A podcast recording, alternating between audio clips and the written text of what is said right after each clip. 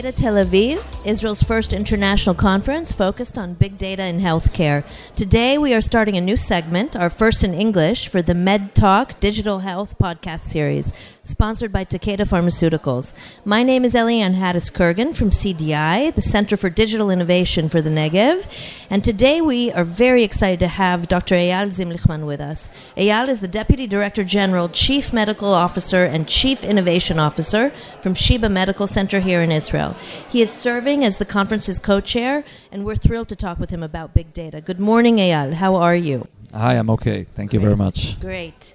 So, the first question, Eyal, could you share with us, please, how big data is playing into the larger innovation strategy at Sheba Medical Center? Sure. So, um, you know, at Sheba, we launched about uh, two and a half years ago a new innovation strategy, which we call ARC. ARC stands for Accelerate, Redesign, and Collaborate, accelerating innovation to redesign healthcare by collaborating with partners. Uh, one of the fundamental principles of ARC is, uh, is, is actually digital health, the focus, a new priority in digital health, understanding that what's going to transform the healthcare market uh, in the next 10 years is probably going to be digital health, much more than pharma and medical device. And within digital health, we've decided to focus on big data and artificial intelligence. And why that is so, I think we're coming into the age now, we call it the fourth revolution, the revolution of analytics, where we're starting to see enough data that we can actually um, mine, we can actually learn from, we can actually um, analyze to come up with better understandings of healthcare processes, better understanding of mechanisms of disease, and better understandings of, uh, of healthcare services we could provide to improve the quality of care, to improve patient safety, to improve efficiencies and value, and to improve patient centered care. And what we're seeing now is a turning point where in the next five to ten years, AI is going to be one of the most major transformation vehicles. At Sheba, we've been completely paperless for about 15 years. We've, many of our systems go back to the 90s, but the last system to go from paper to electronic was 15 years ago. And so we definitely have one of the largest databases, hospital based, in the world. Um, and for us now to uh, tap into that and capitalize on this treasure is, has been a main goal and a main priority as we move forward. Thank you. Wow, that's a tremendous position to be in. And Sheba was just recently selected by Newsweek as one of the top 10 hospitals in the world. Congratulations for that. Do you think that Sheba's unique concept of innovation factored into this ranking? And if so, how? For sure. Um, we, we, know that um, you know some of the criteria uh, set by Newsweek, by, and by the way, this was a very structured approach. Uh, uh, the whole methodology of deciding who are the top 10 and, and ranking uh, the 1,000 top hospitals in the world. Um, and part of that was research and innovation, uh, looking to see, you know, how many patents came out, um, and, and what kind of an impact uh, research and development and innovation has done uh, in that organization. At Sheba, we're um, building on a very strong culture and a very strong track record, transitioning from basic research to more applied research, uh, to innovation. They're all on the same continuum. It's sometimes difficult to differ which is which, but we look at them as, the, as, as one continuum, and from there going to commercialization. In the past uh, 10 years, we've had multiple successes with companies, uh, mainly medical device and pharma, that have spun out of Sheba and were sold on the market to some of the big players, uh, Johnson & Johnson, Medtronic, uh, Merck, other pharma. So it's been, uh, it's been quite a journey in the past 15 years. We're now trying to channel much of that track record into digital health and into uh, big data and AI specifically. Based on that, how, how clearly you're passionate about uh, the use of big data, how would you advise other hospitals to be more open to innovation and to invest in big data? So I think uh, you know there's two uh, questions here. One is in terms of uh, of innovation um, and being more open to innovation. I think what we've learned is that one of the first things you need to do is um, is build your your uh, infrastructure. And by saying infrastructure, I don't really mean only a physical space.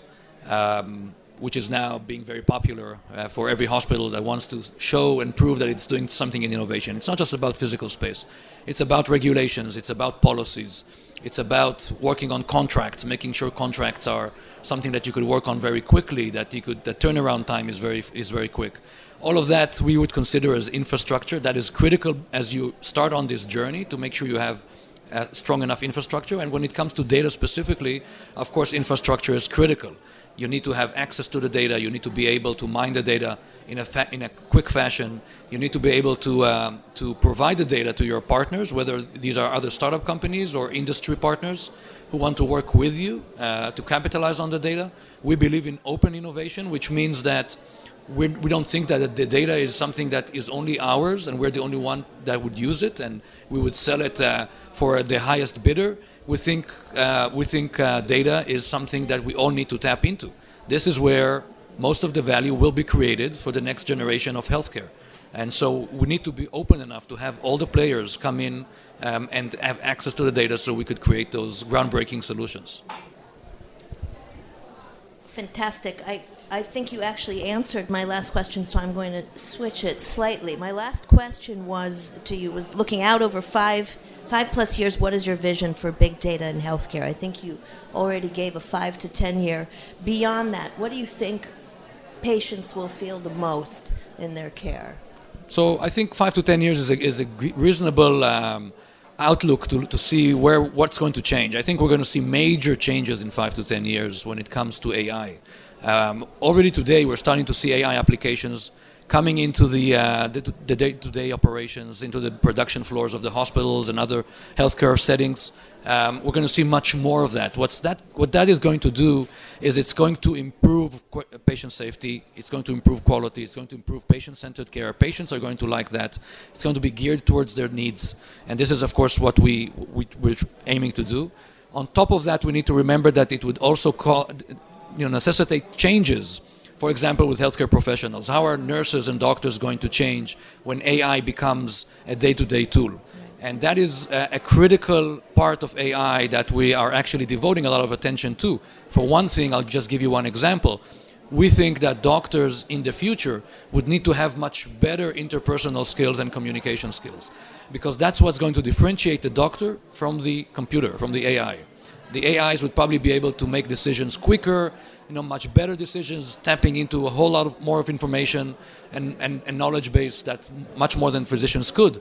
But the doctors and nurses, they will be the ones that actually mediate between the computer and the patients. So they're going to have to have much better interpersonal skills. And if they don't, then what, the, what is the differentiator between a doctor and a computer?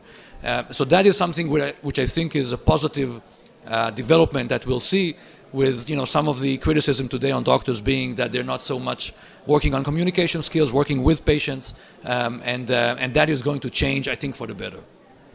That's that actually also addresses the underlying elephant in the room always of is AI going to take over everybody's jobs? Is it going to replace absolutely everybody? And on the contrary, this will really force people to step up and improve, like you said, their communication skills, which is critical to a patient experience. Right. Okay. Dr. Zimlichman, I'd like to thank you for your participation in our podcast.